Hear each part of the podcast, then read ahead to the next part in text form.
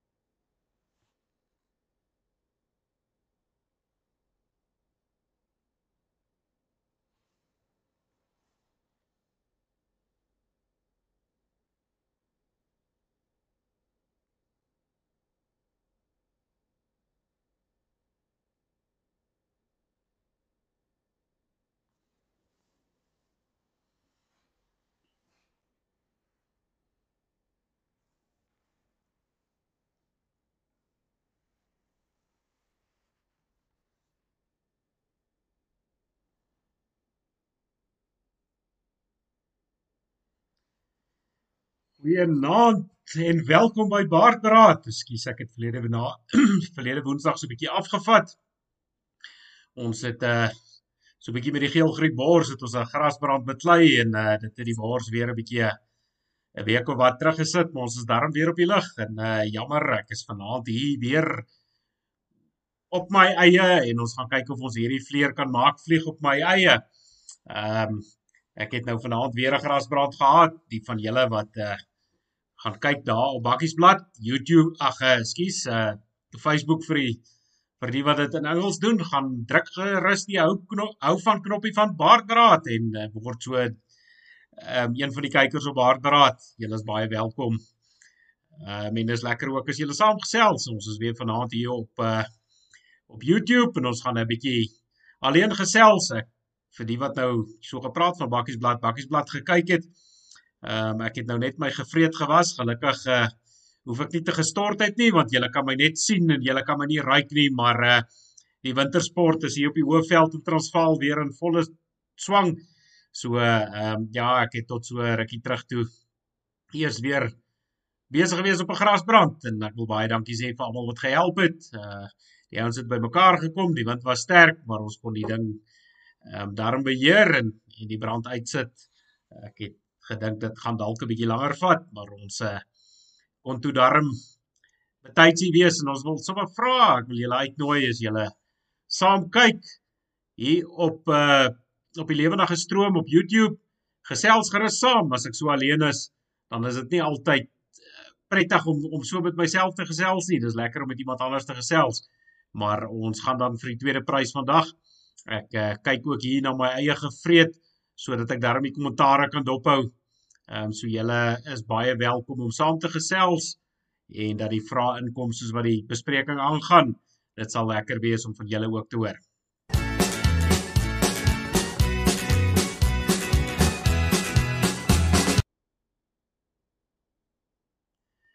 As hy, soos ek sê, ek het nou nie vanaand 'n gas by my nie. Ek is hier op my eie, maar ons wil dan net weer baie dankie sê vir ons borge, Borg Telekom, die manne wat seker maak ons is op die lug. En uh wat daarom ons internetdiensverskaffer is en hierdie manne sorg dat ons met julle kan gesels. Julle kan hulle gerus kontak as jy wonder oor 'n diensverskaffer wat vir jou internet kan verskaf. Kontak gerus vir Borg Telekom, jy kan hulle kry daar op die wêreldwye web. Ja, um, men gaan soek na hulle. Uh hierdie manne beskaf verskaf regtig goeie diens. Ehm um, en die, jy weet ek kan net kan net weer eens dankie sê vir hulle wat seker maak dat ons op die lig bly. Nou vanaand het ek 'n spesiale advertensie ehm um, van Jolandi Trollip. Ehm um, ekskuus as ek nou so vinnig kyk Jolandi, ek sien ek het 'n spelfout hier begaan. Ekskuus, dis nou hier met 'n uh, grasbrand oor wat die spelling lyk my nie wil uh saamwerk nie. Ek vra daar voor om verskoning. Ek kom dit nou eers agter toe toe ek die skerm aansit hierso. Uh maar Jolandi is 'n boervrou daar. Sy sê is Karoo, ek sien is nog Vrystaat, maar die Karoo op baie groot. Ek weet nie waar loop die Karoo se lyne nie. Sy kom daar uit Lukhof se wêreld uit. En uh Jolandi het my eintlik verlede week al geskakel en toe vra sy of ek haar produk vir haar kan adverteer. Ehm um, en toe wonder sy eers of ons nou hier die manne gaan skaam kry. Gelukkig het ek nou nie 'n gas van naand saam met my nie. So ek kan nie die ander manne skaam maak nie. Ehm um, en ons brandweermanne, ons is enige ding gewoond. Maar Jolandi vervaardig sanitêre doekies, wasbare doekies. Ehm um, ons weet niks word deesdae goedkoper nie en ek weet nou nie meer wat die goed te kos nie. Gelukkig um, ja, is dit nou nie iets wat wat ek hoef aan te koop nie. Ehm um, so on, ondersteun gerus vir Jolandi. Ehm um, ons weet daar in die Karoo streke wat die reën op maar skaars is, probeer hulle vlees aan mekaar hou en uh is een van ons eie mense, een van ons boervroue. Jolandi, baie dankie dat jy luister na die program. Jolandi sê sy luister gereeld en sy seker daar's meer dames wat daar sal luister. Sy seker is is nie net 'n klomp mans wat na die manne luister nie. Ehm um, so vir al die dames sou jy so iets benodig, skakel gerus vir Jolandi en Jolandi ons hoop dat uh dat jy ook 'n uh, ja, dat dat dat daar ook mense by jou sal uitkom en jou produkte gebruik. Ehm um, dit is dan lekker as die, ons boervrouens so vernuftig is en dit goed self kan kan bou. Uh nou dit is so 'n stukkie wat ek nou nie geweet het of ek met julle moet deel of uh of gaan deel nie, maar dit dit pas nou so in by Jolandi se advertensie. Ehm um, toe ek nou nog 'n jong brandweerman was, nou kyk 'n uh, 'n uh, jong brandweerman ehm um, is erger as 'n jong student. Uh jy weet en, en daar's altyd poetse te bak en en goeie te doen. En ons het daai tyd het ons 'n uh, agter in die ambulans het jy ook maar met hierdie goeie te doen gehad. Ehm um, ons het die handelsnaam van die goeie was Dr. White. Ek weet nie of die dames daarmee uh, vertroud is nie, maar die ding het twee sulke lissies gehad op die punte. En uh dan het ons altyd as daar nuwe brandweerman of of dan ambulans, ons het beide gedoen brand en ambulans.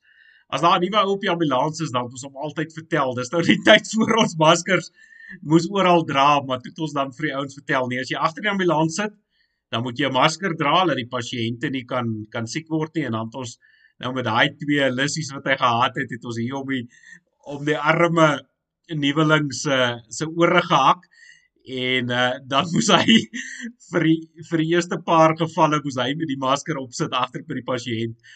Ehm um, party van hulle kon nie verstaan dat dat die pasiënte hulle uh, so so skeef aankyk nie. Ehm um, veral die die, die seuns die ehm um, weet die manne ons het daai tyd nog nie baie dames gehad nie. Die dames het daarom nie geval vir die grappie nie. Uh maar party van die manne moes 'n moes 'n paar ehm um, gevalle doen met die ding voor hy agterkom of voor iemand om reg help en dan was dit 'n natuurlike groot gelag ehm um, oor die ding so ja ehm um, maar ondersteun gerus vir Jolandi. As hy ek het gedink ek gaan myself so 'n bietjie groter maak uh as ek so op my eie is. Ek sien uh hier is ons nou nog net so 'n paar kykers wat kyk maar julle kan gerus saamgesels en uh ja ek wag om te hoor wat julle sê.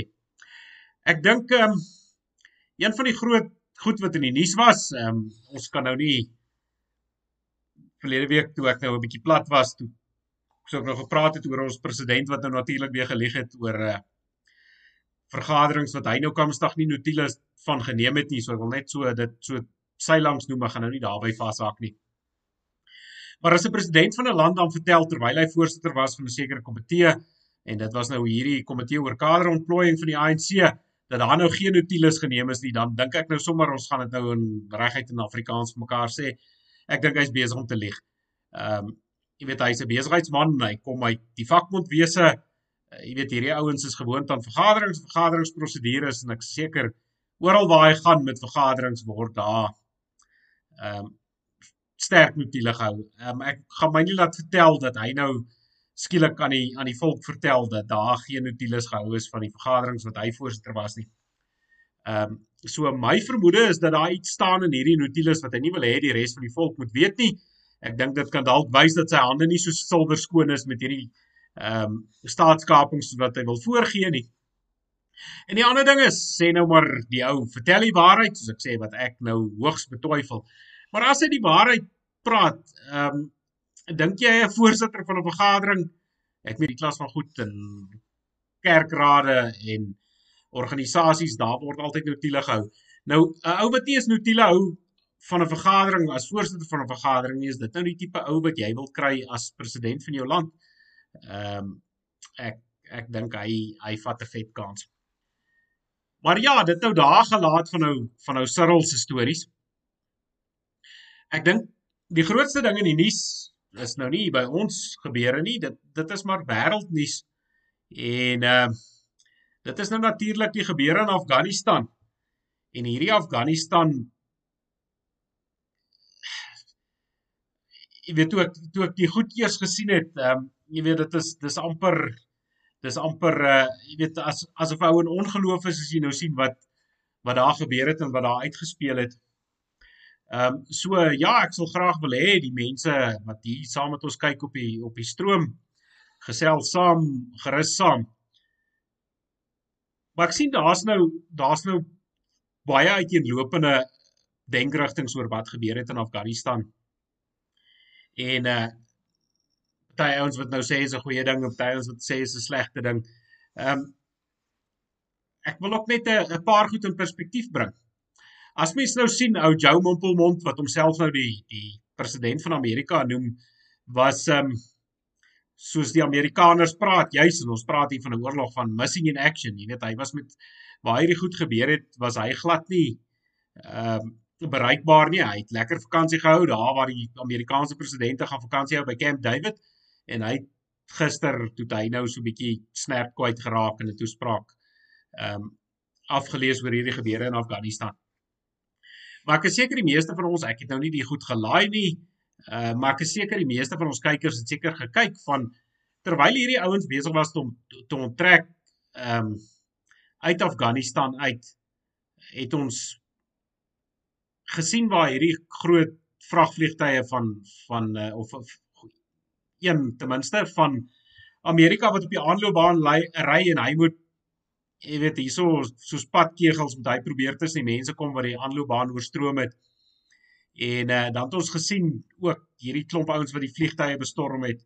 Ehm um, in hierdie spesifieke vragvliegtuig het daar klomp mense ingestorm en en die troepe van Amerika het die ouens maar toe geholpig weet gehelp en uh, hulle uitgevlieg.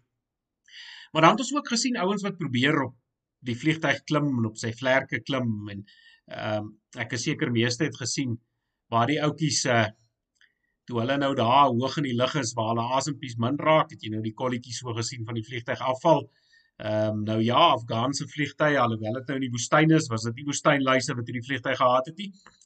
Dit wat mense was mense wat daar vasgeklou het en weet nou nie hoe hoog was dit nie as ek sien hoe hoog het ehm um, hierdie vliegtuig gevlieg dan uh jy weet kon die ouetjie se asem 'n bietjie opgeraak het of uh jy weet dit raak ook redelik koel cool. die vingertjies kon dalk nie meer so lekker vashou nie en ek weet nadat hierdie vliegtuig geland het het ek het ons berigte gesien dat ehm um, weet hierdie landings uh toerusting jy weet die wiele die landing gears wat hulle praat wou nie lekker werk nie en hulle toe nou nog 'n ouetjie daar uitgehaal wat toe daar in die tussen die wiele vasgesit het. Uh maar hy was toe nou so met die vlug saam. Was hy nou lank boontjies toe en ek sien nou Boorgatspook gesels saam. Welkom Boorgatspook. Hy sê die nuwe wêreld wêreldorde het in Kabul gesterf eergister. Maar ehm um, ja Boorgatspook, ek weet nie ek is nie so seker nie. Ek wonder of hierdie nie 'n triek was nie. Ehm um, as mens sien met hoe die Amerikaners onttrek het. Eerstens het hulle ehm um, die naam ontgaan my nou, ekskuus, ek is nou nie goed in lapkop name nie. Maar die ouens het 'n 'n weermag of 'n lugmagbasis gehad uh net so en buite Kabul waar hulle gebruik het vir militêre operasies reg deur die oorlog van van die Amerikaners of dan hulle besetting in in uh in Afghanistan en hulle het met die onttrekking van tro troepe het hulle hierdie lugmagbasis opgegee. En ek sal graag ek wou nou vanaand ehm um, my goeie vriend Frik wat nou meer uh beter weet van die weermag as ek weet uh langer tyd daar gespandeer het ek sou nou graag met hom wou gesels en ehm um, ag dinge was net te dol ek kon hom nou ongelukkig nie vasmaak vir vanaand nie. Hy sou dalk meer lig hier op kon werk. Maar uit 'n strategiese oogpunt gaan jy mos nou hierdie goed behou laat bly jy weet jy veral vir onttrekking. Ons weet nou die Amerikaners, ek weet nie ek het nou gehoor party ons praat van 3.5 en ons praat van 2.500 troepe wat nou laaste ehm um, moes moes onttrek uit die land uit.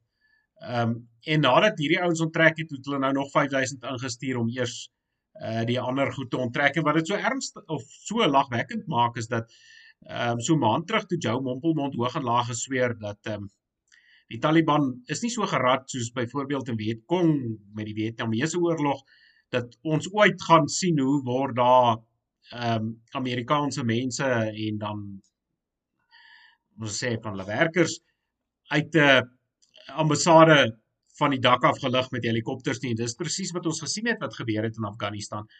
Ehm um, hulle het hulle totaal en al misgis, maar nou hoor ek daar's twee denkskole as ek so luister wat dan wat die Amerikaners sê, party sê ehm um, nou natuurlik Joe Mompelmond se intelligensie owerhede het vir hom gelieg, maar dan's daar 'n klomp ander ouens veral ehm um, oud uh ehm um, weermaglede en generaals wat sê nee, hulle het hom gewaarsku.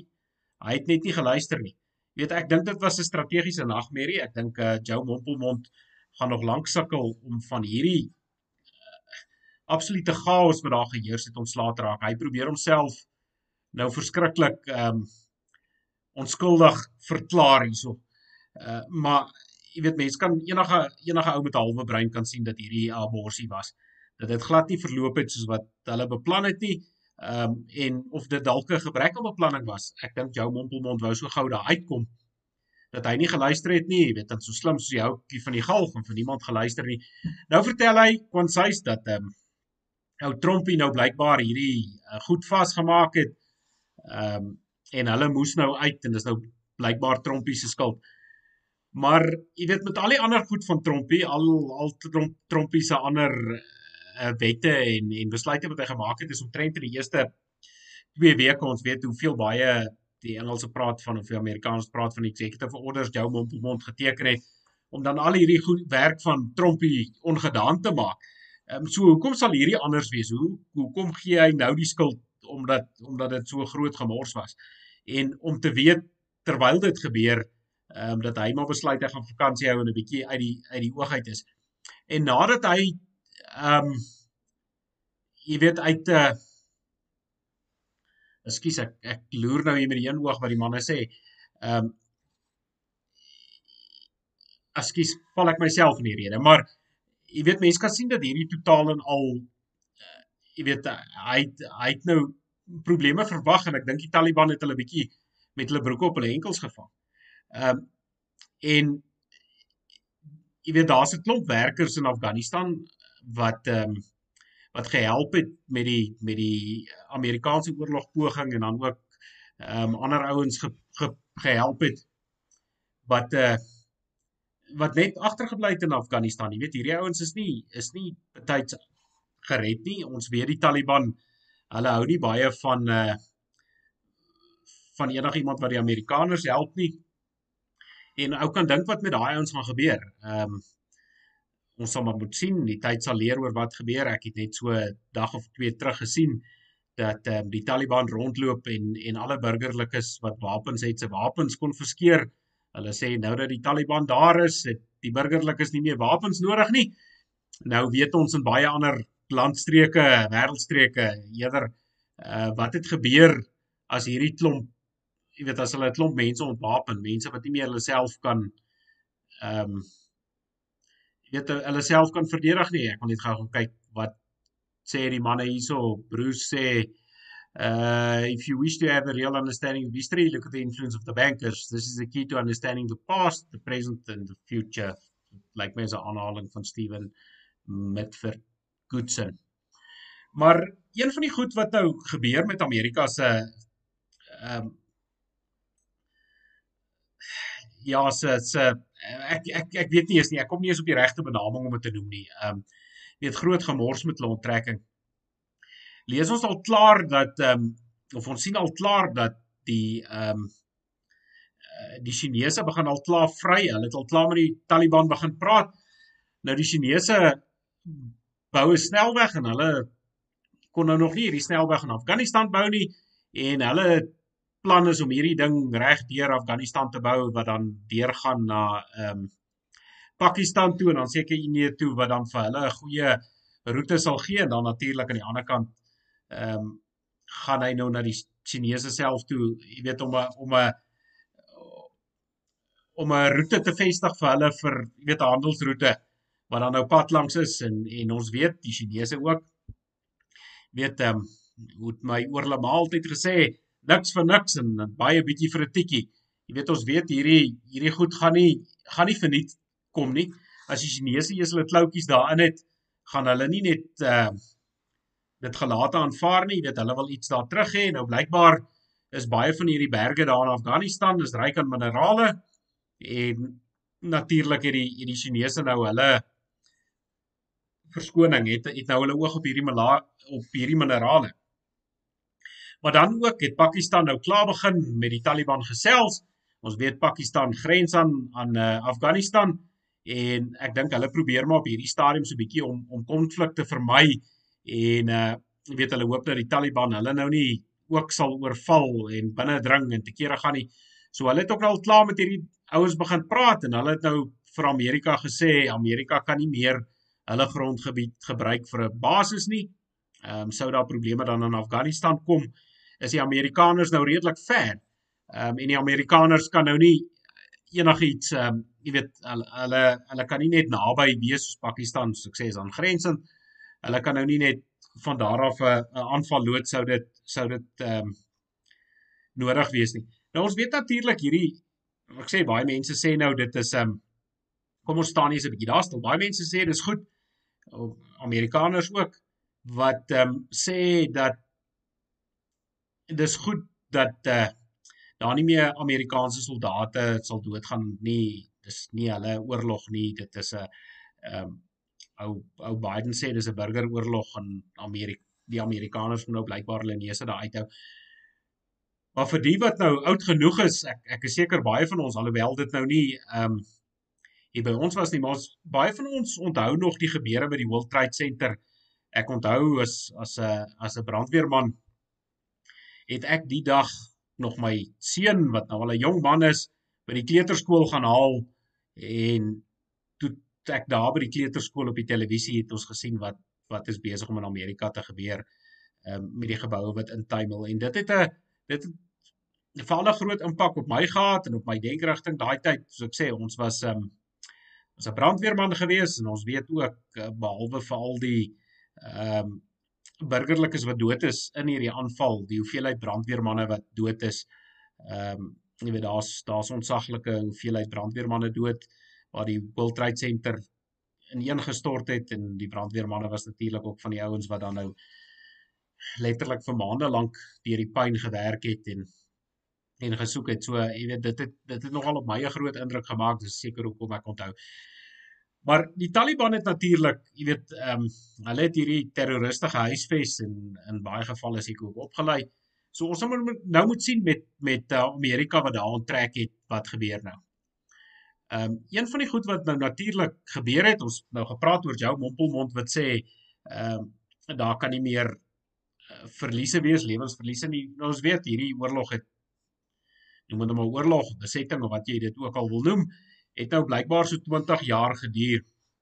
En nou reg of verkeerd, ons weet daar's baie Amerikaanse lewens dood of baie Amerikaanse lewens daarmee heen, maar as mens kyk na die onlangse verlede, ons weet ook sulke oorloë is nie goedkoop nie.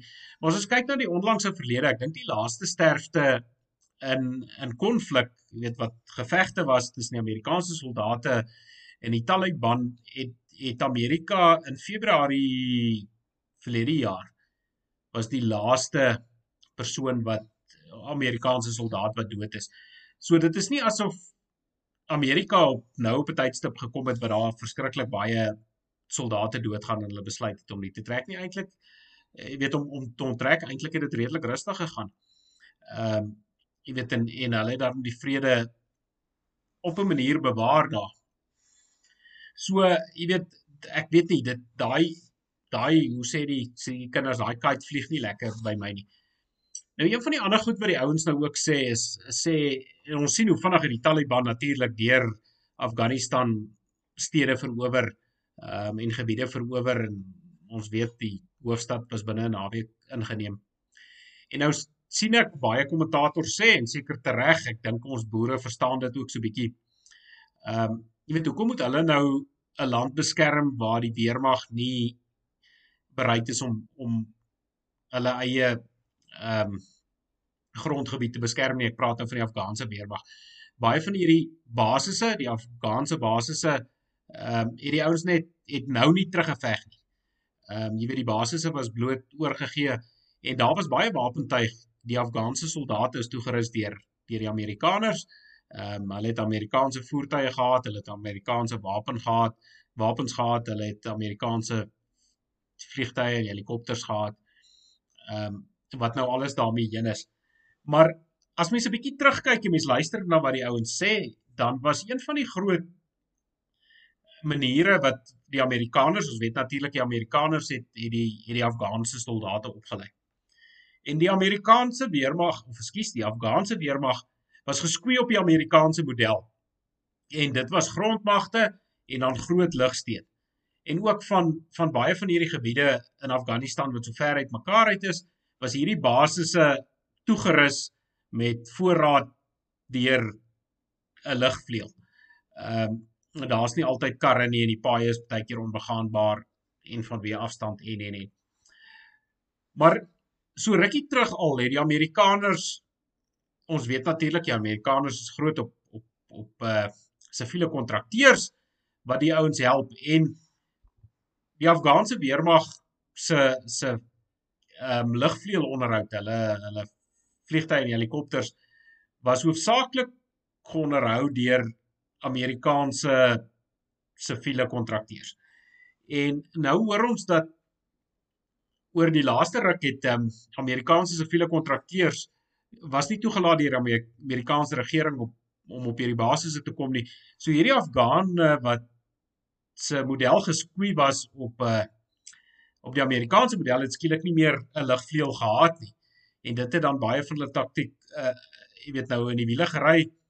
Ehm um, en dan ja, ek ek moet sê dit dit is vir my ook nogal 'n bietjie bietjie het ek sluk ook 'n bietjie moeilik daaraan dat hierdie ouens nie ten minste 'n poging aangewend het om terug te veg nie.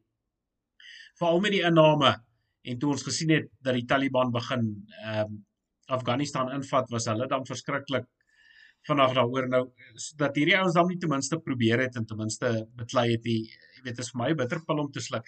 Maar om te sê die Afghane het glad nie beklei nie is is dan wragtig gelieg.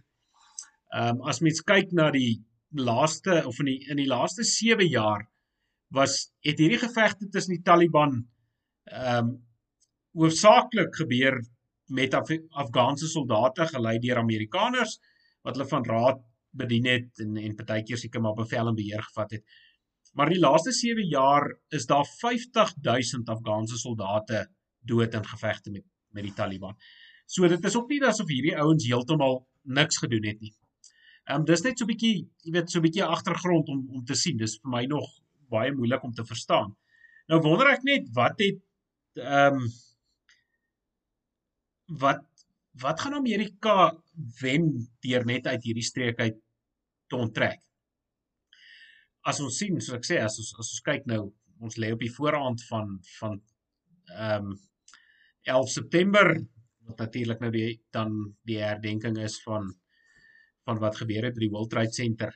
Ehm um, jy weet maar as hulle nou net wegloop daar is die oop vraag dan, ehm um, gaan dit nie net weer 'n teelaarde vir terrorisme eh, veroorsaak nie en in 'n paar jaar sien mense dalk uh, weer goed in Amerika wat ou 'n klompie jare terug gesien het. Ehm um, ek weet nie julle kan gerus saamgesels as julle as julle wil wil saamgesels. Ons luister gerus na julle en ek sien nou, ekskuus, ek wil net hierso vinnig na my notas toe gaan. Ehm um, ek sien die russe. Ja, die russe is ook natuurlik. Hulle is ook nou besig om te vry met met die uh, met die Taliban. En hulle kyk ook natuurlik nou hoe kan hulle jy weet 'n uh, sê Engelsman sê vinger in paai kry daar om uh, om dan jy weet die die uh, jy weet 'n uh, ehm um, iets iets iets uit te kry, iets wat hulle voorheen nie kon uitkry nie. Ons sien nou klaar, China het nou natuurlik, ons weet hier in Afrika ook ehm um, ek spot altyd en sê in Afrika as jy nie geweld gebruik nie, dan uh of as geweld nie werk nie, gebruik jy te min. En dit is nou gewoonlik 'n lekker lag oor Afrika, maar tog is dit maar 'n wêreld gebeure, jy weet as as jy nie as iemand jou sien as 'n lafaard, dan is daar baie ouens wat gou-gou kyk of hulle die situasie kan uitbuit. Ons sien nou skaars hierdie storie in in uh, afgespeel in ehm um, in Afghanistan of die Chinese het nou behalwe dat hulle soos ek sê, daar kyk wat kan hulle kry, het hulle nou ook begin ehm um, hulle vloot insit wat is die Suidsee, ekskuus, ek gaan nou lieg as ek sê maar na ehm um, Taiwan toe. Hulle het natuurlik hulle verskoning hulle oog op Taiwan en hulle wil Taiwan onderdanig maak weer aan die Chinese. Ons sien nou al ehm um, daai een stoer, daai ou wat so op die ritme van musiek praat. Hy kan blykbaar nie sing nie, maar daai ou wat so jy kan my nie sien nie, daai John Cena knapie. Ehm um, hy het op 'n ruk, hy het 'n ruk terug, jy weet net om te wys hoe lagwekkend is hier wêreld gebeur. Hy het hy het 'n ruk terug het hy ehm um, na Taiwan verwys as 'n land en dit het die Chinese natuurlik baie die vieste ingemaak en en hierdie ouens het blykbaar een van hulle grootste markte wat hulle ontgin dis nou hierdie rofstweers.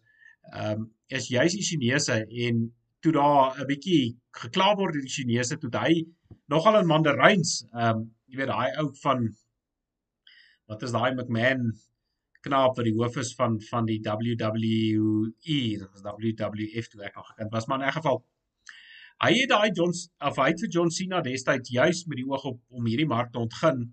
Ehm um, en ons het nou nou het juis iemand gepraat van ons uh weet kyk kyk na die bankiers, maar ja, volg die geld. Weet as John Cena geleer om Mandaryns te praat en hy toe 'n toespraak gemaak in Mandaryns waar hy nou baie om verskoning gevra het omdat ehm um, hy nou gesê Taiwan is 'n land. Nou sover ek weet was Taiwan nog altyd 'n land.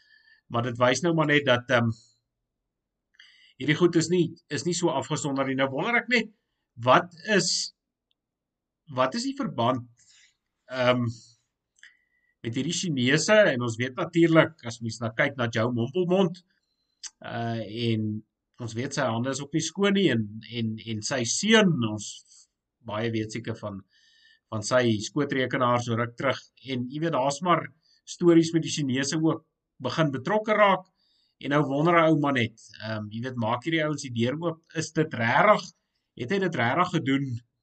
Ehm um, is sy of is sy is sy motiewe so edels wat hy wil voorgee of kry hy weer iets iewers uit die deal uit?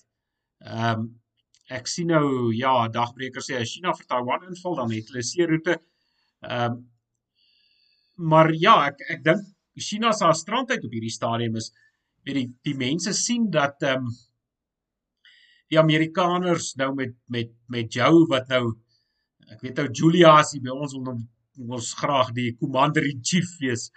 Nou Amerika se commander in chief ehm um, wat nou Joe Mompelmond is. Ek dink hierdie ouens sien nou daai is nie meer 'n uh, is nie meer 'n Amerikaanse pitbull nie.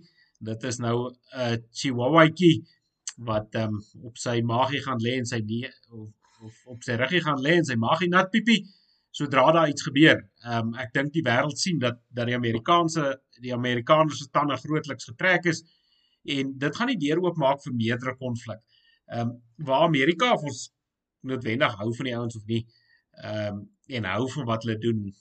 Jy weet ek ek is ook nou nie 'n groot voorstander van alles wat hulle doen en hoe hulle dit doen nie maar hulle hou nog weet hulle is 'n bietjie die die noem maar die ou boet ehm um, jy weet of of die pa jy weet jy jy party ouens is maar bang om iets te doen want hy's bang hy kry pak sla maar nou dat die ouens sien dat hulle nie meer gaan pak sla kry nie nou uh jy weet nou nou is dit soos 'n stout kind. As hy as die kind mos weet daar's geen gevolge vir sy dade nie dan uh maak hy soos hy wil. En uh so ons sal moet sien wat hier gebeur. Ekskuus, ek wil nou gekyk. Ek sien George sê ek dink daar's meer as politiek agter die ding. Sleepy Joe trek sy eie land deur sy dink jy wou skryf hol George. Um Here's what's happening in happening. Dis nou Graham Shelton, die verskoon maar vir my boere Engels. China's Belt and Road Project proudly sponsored by China, Russia and Israel en dan sê ook sien hierso daar's 'n ou wat hier onder 'n skuilnaam praat DJ to hire goeienaand groot man. Baie dankie. Jy kyk ook uh, ek sien nou net jy sê vir my ma maar jy daarom oom geskryf maar ek ek, ek uh, sal jou verskoon want ek weet jy's jy's half Engels maar baie welkom en ek is bly jy jy luister ook saam met saam met ons. Ek weet daarom wie's dit. Ehm um, maar die ander ding ons moet nou ook verder kyk, wat se impak het hierdie op die res van die mense? Ehm um, ons weet nou, ek het vroeër genoem die ouens wat voorheen gewerk het by die ambassade van Amerika wat ehm um, tolke was wat vir die weermag gewerk het, die tipe van werkers, hulle word alles geraak, maar dit gaan groter as dit. Ehm um, ons weet daar Suid-Afrikaners wat in Afghanistan werk. As as jy weet van iemand, laat hulle maar gerus laat weet en hoe sukkel hierdie ouens om uit te kom en wat se impak het dit op hulle en daar's 'n klomp ander wat ook wat ook ehm um, sukkel om uit te kom met met hierdie Amerikaners se honderdste bolder weghardlopery wat nou dit wil laat lyk asof dit nie weghardlopery is nie maar ehm um, ek dink uh, ons almal kan sien of die hele wêreld het kan sien dat dat ehm um, hulle hier weggehardloop het en ek ek dink die troepe dis 'n slegte ding ek sien ek sien nou ehm um, in 'n Britse koerant het vra dan nou 'n klomp Britte wat nou natuurlik ook gedien het sê waarvoor was dit? En 'n klomp Amerikaanse troepe vra ook waarvoor was hier die laaste 20 jaar. Ehm um, en ek wil nie nou noodwendig 'n opinie uitspreek nie. Al lyn wat ek wil trek is ek dink dis dis hoe 'n klomp van ons boere en boerseuns gevoel het. Ehm um, jy weet hier in in in die laat 80s vroeë 90s weet waar ons uh, voete gestamp het, ouens wat ons weet ons was van die 70s af al in 'n oorlog gewikkel um, on ons eie landsgrense en toe's jy weet die Amerikaners en die Britte kan daarom huis toe gaan. Ehm um, en hulle kan by hulle huise sit en vra hoekom was hierdie laaste ruk gewees. Weet ons uh, ons huise, noem dit dan maar huis, ons land is onder ons agterente weg verkwansel en hoewel ons nog 'n huis gehad het, het ons oornag vreemdelinge in ons eie land geword.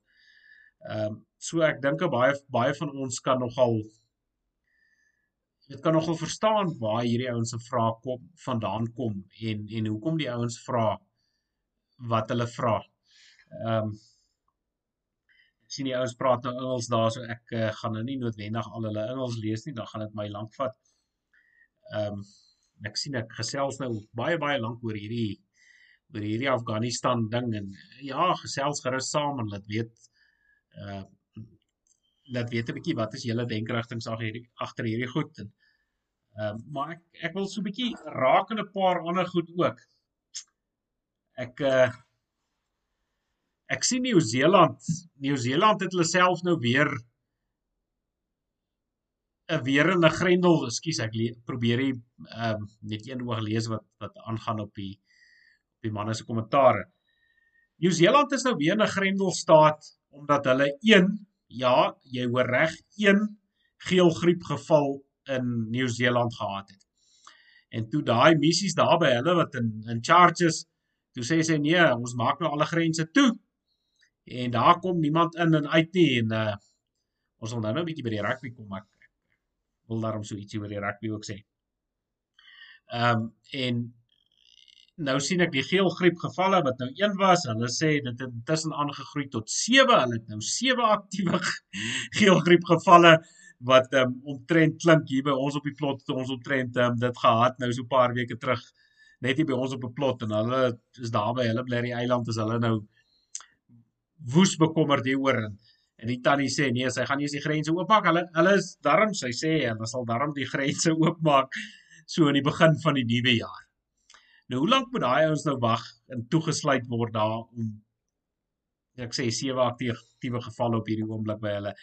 Ehm um, van dink julle die ouens rukkie dam onder die eentheid. Ek dink dit is 'n dis 'n hopelose oorreaksie. Ek sien hulle is nou kwaad vir Australiërs want hulle reken hulle het nou hierdie ding teruggespoor na New South Wales toe in Australië en dis blykbaar waar die geelgriep gevalle nou vandaan kom. En die tannie is nou baie kwaad en nou ehm um, moet die ouens daar op die eiland moet nou toegesluit word. Ehm um, vir, soos ek sê, tot die nuwe jaar.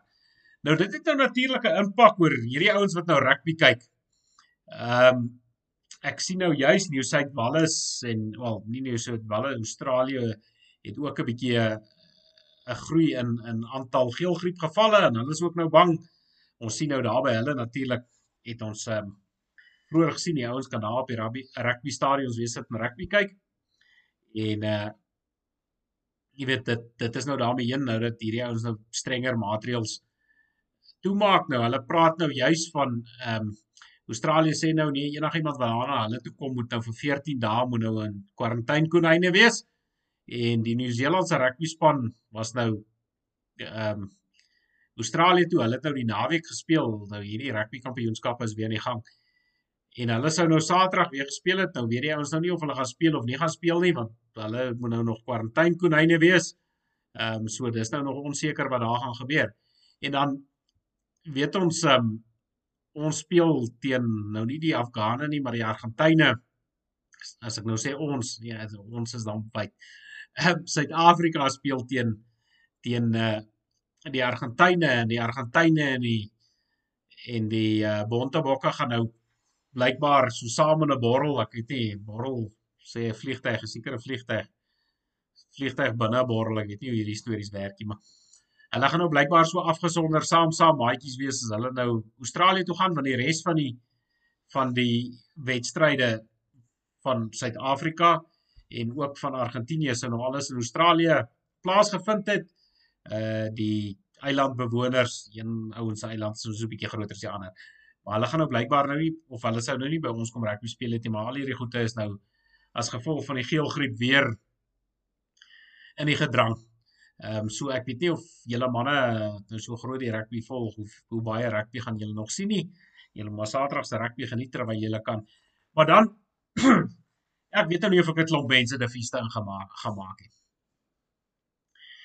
Maar daar's nog wel een ding wat wat so 'n bietjie 'n klippie in my skoen is. Ehm um, julle is welkom om met my te verskil. Ek sien nou Johan de Jong wat nou weet daai ou wat nou so die Nieu-Seelanders aanhang en sê hy skryf vir die Nieu-Seelanders hoe baie gas is hy gegee. So miskien druk ek my kop in 'n baie nes.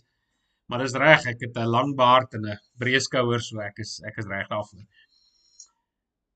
Hoe baie van baardpraat kykers is nog ywerige Springbok ondersteuners? Ehm um, dis 'n vraag, laat weet gerus, skree jy nog vir die bokke? Ehm um, sit jy jou hand op die bors en druk die bokse ore toe terwyl jy oom Kosie uit volle bors uitsing. Hoeveel van van ons mense kyk nog regtig rugby? Ehm um, ek moet sê ek was op 'n stadium stout oor rugby en ek kyk rugby. Uh, maar ek is nou nie noodwendig uh, meer die grootste bok ondersteuner nie.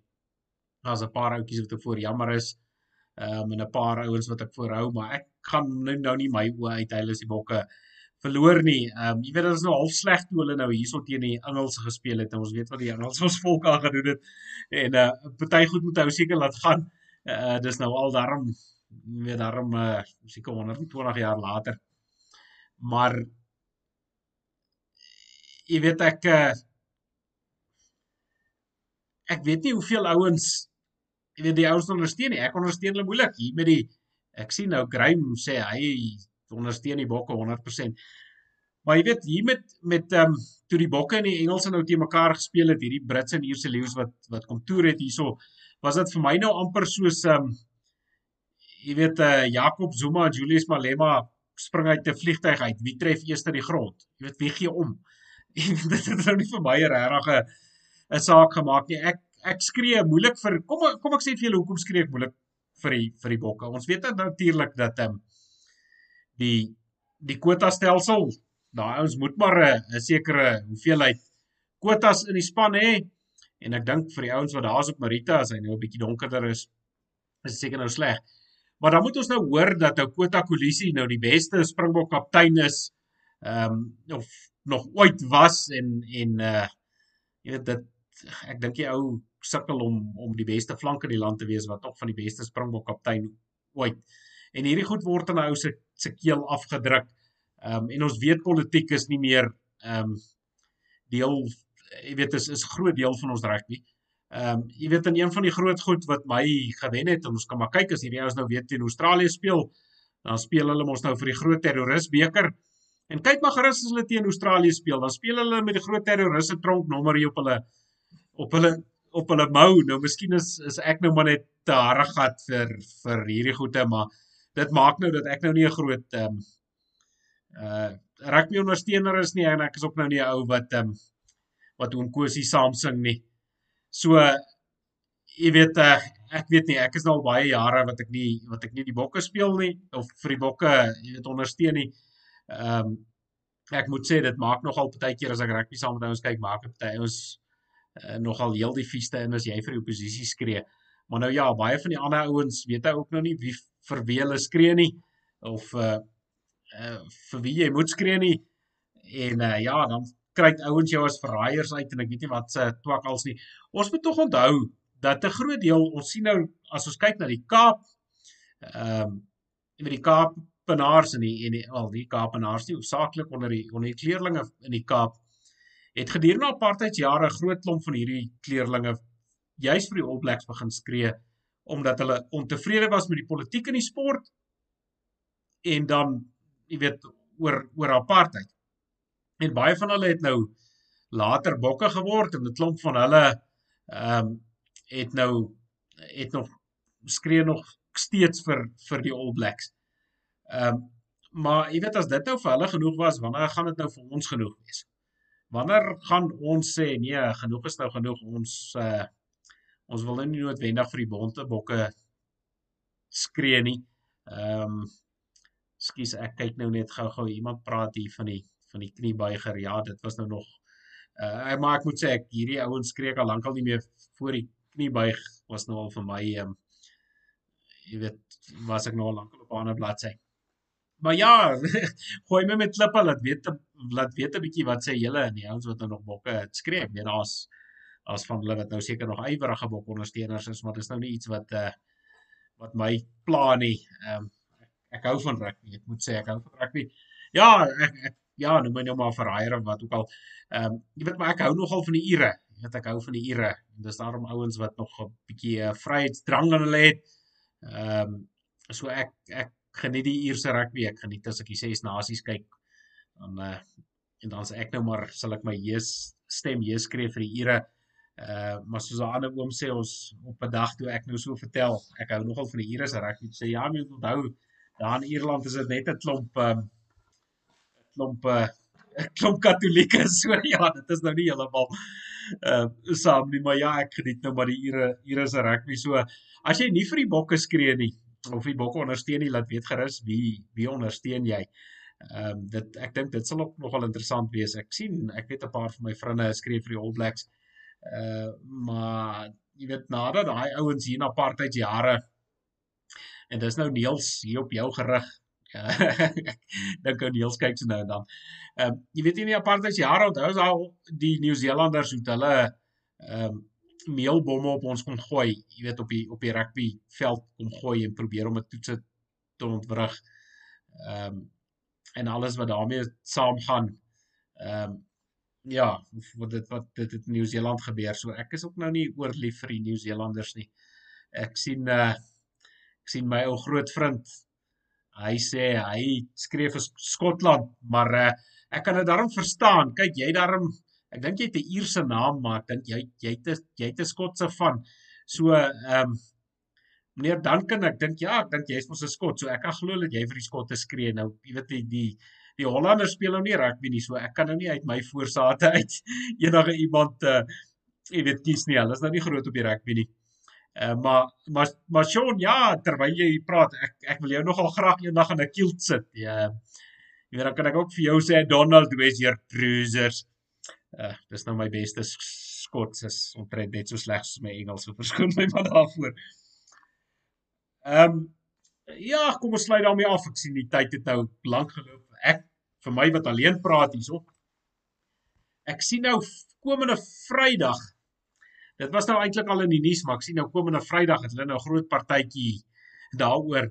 Nou sien ek hier voor die die dorpie in die Vrystaat Brandfort gaan nou Mama Matches dorp word. Jy weet Winnie Mandela dorp of iets in die hiervoege.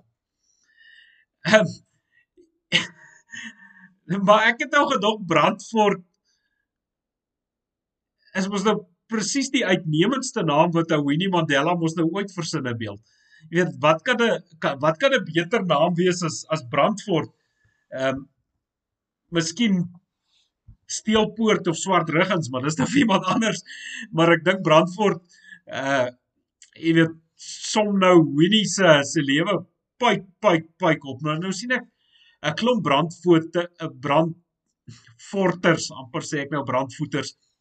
Ehm um, dis nou wat ek so moes brandvoeter vandag wat uh dat ek nou nie hier by myself kan bly nie, maar ehm um, ja, klomp brandforters en uh jy weet nie nie die blanke bevolking van Brandfort nie, van die swart bevolking van Brandfort is nou redelik die Fiestan sê the community was not um involved in the decision. Hulle is kwaad en hulle sê ook uh jy weet uh, dat uh Winnie ons weet nou vir die wat nou nie kan onthou nie, Winnie het natuurlik na al die strooi wat sy aangevang het hier in die rand en nadat die groot terroris toegesluit is, is sy na Brandfort toe verban. Nou Winnie was nie dik van die lag vir Brandfort nie, sy was nie baie lief vir die dorpie nie. Sy was daar onder dwang gewees.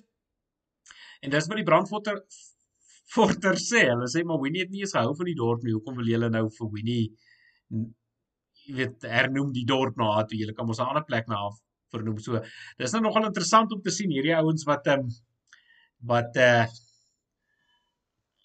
al hierdie goede te sê het en en besluite te neem dat hulle eie ondersteuners nie is altyd eh uh, gelukkig maak nie. Ek wil net gou-gou hierso lees. Ek sien ehm um, nou Sean vra daar, wat dink jy van die 23 Augustus stories wat rondloop? Uh, ek moet nou ehm um, lieg Sean, ek is nou nie so op datum nie. Ek neem aan jy praat nou van die klompe in Natal wat nou weer wil wil 'n uh, eh, stories maak, maar ek gaan nou nie daarby vas daak nie. Ehm um, ons ons sal maar moet sien wat gebeur. Ek dink in hierdie stadium is die ouens dalk 'n bietjie meer reg vir wat wat gebeur. Ek dink die eerste keer was hulle nou soos soos ou Jou Mompelmond met Afghanistan broek erg op die enkels gevang. Ehm um, oh, ek sien nou hierso, nee, ek sien dis 'n paar ouens wat sê wat net sê hulle skree ook nou nie so verskriklik vir die bokke nie. Ehm, um, ekskuus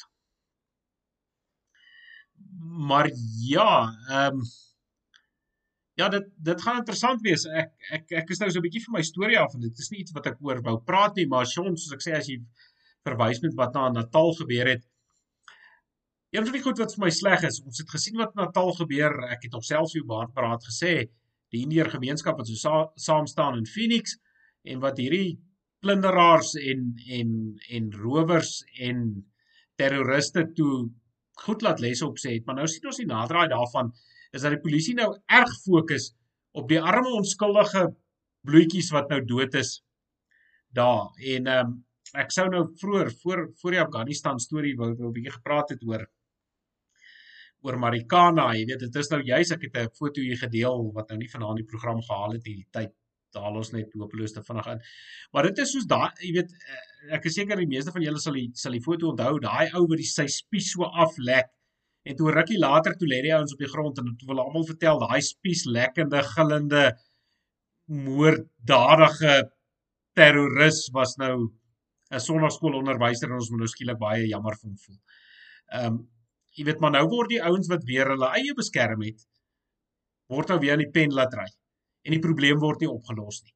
Want vir die ANC moet daar eers gekyk word na die ANC stemmers en hulle weet waar hulle stemme vandaan kom en nou moet hulle weer maak asof hulle of nou is hulle baie ehm um, besorg oor hulle eie mense want dis waar hulle stemme vandaan kom en dit wys nou maar weer dat reg en geregtigheid vir hierdie klomp spul terroriste van ons wat ehm um, tans oor ons regeer. Hulle voel nie eens snaars vir dit nie. Al wat hulle oor bekommerd is is om hulle stoele in die groen of hulle gatte in die groen stoele te laat sit vir nog 'n 5 jaar, nog 'n 5 jaar, nog 'n 5 jaar tot die trog leeg gesteel is en almal vrek van die honger. Ehm um, jy weet hulle kon sies vertel dat hulle so besorg is oor die ekonomie jy weet as as ons nie eens meer ons eie mag beskerm nie, dit is dis bekotsingswaardig om nou goeie Afrikaanse woord daar daarvoor te gebruik. Maar ek is nou weer heel van my van my punt af. Ehm um, kom ons uh, gaan hier na die possak toe. Nou Dan sê beste albei bly om te sien jy sit terug op die lig. Baie dankie Dan. Het jy geweet dat koning Henry 8 'n baardbelasting ingestel het? Dis nou vir my nuus, ek het dit nie geweet nie. Klaar blyklik was daar op 'n stadium 'n baardbelasting in Rusland ook.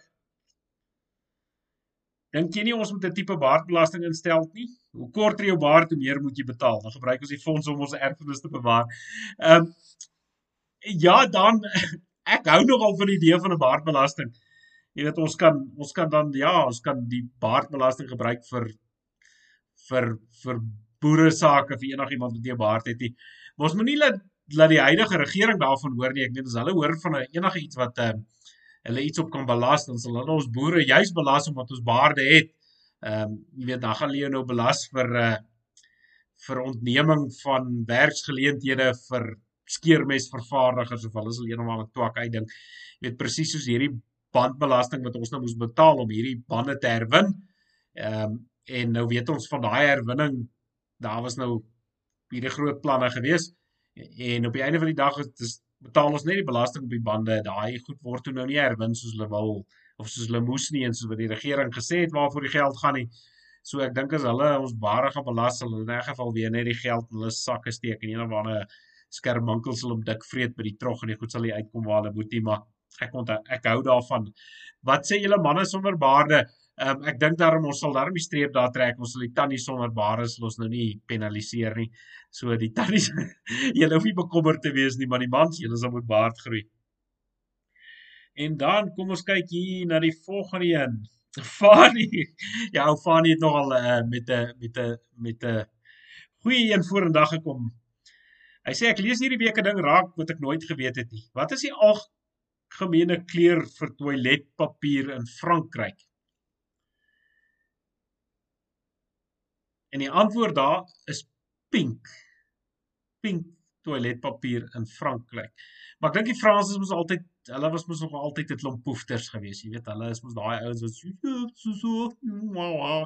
Ek kon op 'n stadium verbaas dat daar in Kongo werk het ek nogal ehm um, Frans aangeleer, maar al wat ek nou nog kan onthou bonsoir en bonjour en uh die res van die goed kan ek nou nie kan ek nou nie so lekker onthou nie maar dis ouens wat so snaaks praat, jy weet, maar jy moet ook praat asof jy uh, erge sinus aanval het, anders klink dit nie soos Frans nie. Maar nou ja, pink poefters Franse pink toiletpapier. Nou het ek alles gehoor. Nou sê hy net ek nou wonder ek net hoe sal 'n boereoom nou smaak met sulke pink papiertjies? ja nee ek ek ek weet dan nie daai pink is vir my vir my een te veel. Maar soos mense gedagtes nou verder aangaan, reken ek toe ons moet maar iets nader aan boerekultuur maak soos kakie of bruin toiletpapier. Dink jy dit sal werk? Ehm um, Ek dink ehm um, ja, ek dink kakie gaan omtrent ehm um, die die regte kleur wees vir die vir die job wat gedoen moet word. Ehm um, jy weet, geen werk is mos klaar voor die papierwerk afgehandel is nie. Maar ja, daarmee kom ons dan nou uh, amper aan die einde van Baardbraad. Ek sien ek het nou hier op my eie oor 'n uur gepraat.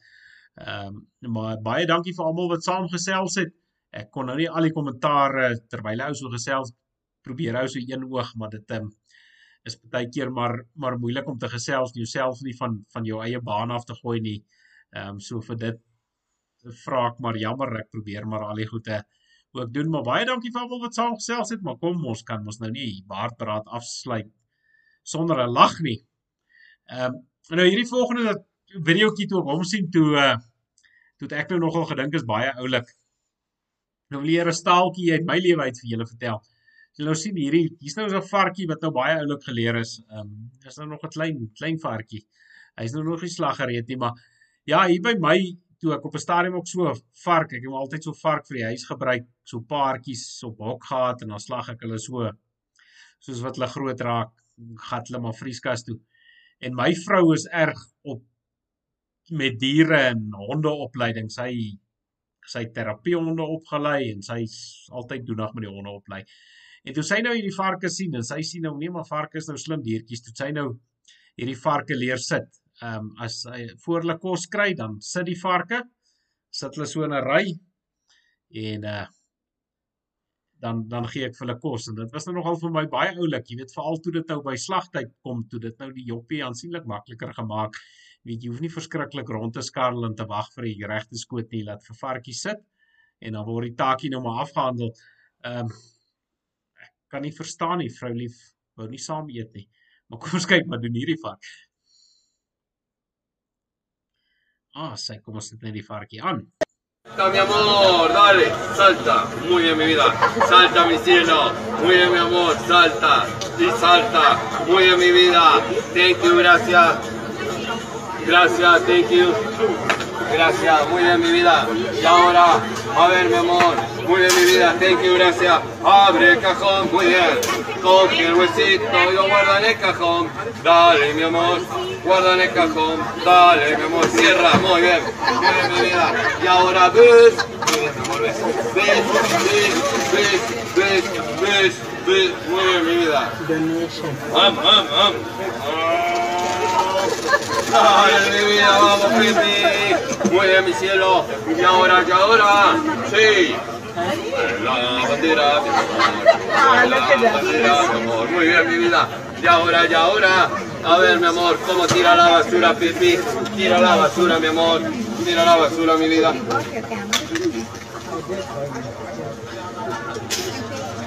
¡Bravo! Thank you, gracias. Gracias, thank you. Gracias.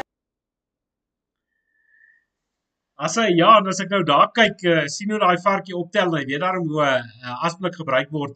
Ehm um, en nou moet ek daarom eers sê ek wou nou weer amper trap ek nou weer in die gat. Ehm um, Johan, en dis nou nie Johan met die baard nie, dis 'n ander Johan wat ook kyk na ons program. Hy sê hy het so 'n bietjie ook 'n klippie in die skoen as ek praat van medelandsburgers. Hy sê dit is nie burgers nie. Ehm um, nou ja, hierdie vark is daarom beter as baie van ons medelandbewoners. Ek hoop is reg Johan, ek hoop jy is nou tevrede. Jy weet hy weet daarom hoe werk 'n asblik en uh weet daarom dat die vuil goed in die asblik moet uh moet opeindig. Maar ja, dan het ons nou so aan die einde gekom van 'n lang program waar ek hier op my eie aangegaan het. Ons hoop om volgende week weer 'n gas te hê. En uh, dan moet ons nog kyk. Ons is amper is nou Baardberaad 48. Ons is so 2 weke weg van Baardberaad 50 af. Uh, en ek weet nou nog nie regtig wat om te doen nie. Dit dit gaan nogal moeilik wees. Ehm um, jou koot het gesê hy sal met die knoppies druk as ek dan net kan gesels, maar ek weet nou nog nie hoe die logistiek daar gaan werk as hy verskillende gaste en goed moet inkry nie. So ek sal met ou koot weer moet gesels en dan kyk ons of ons dalk met ehm um, al die ou gaste wat ons al gehad het dalk 'n bietjie so vinnig kan gesels. Ek weet nou nie of uh, ons noodwendige nuusprogram gaan hê nie, maar uh, kom ons kyk. Anders miskien gebeur dit nie en dan maak ek julle verniet opgewonde dan kan julle maar met my met my raas daaroor maar laat weet ook sommer wat dink julle ehm um, wat kan ons doen vir 'n 50ste program of moet ons maar net aangaan soos ons gaan en ons nou nie laat uh, onderkry deur syfers nie. Maar dan nou weer van my kant af. Voor ek sê, mag die brande by julle kant wegbly. Alles van die beeste en grond op die plaas.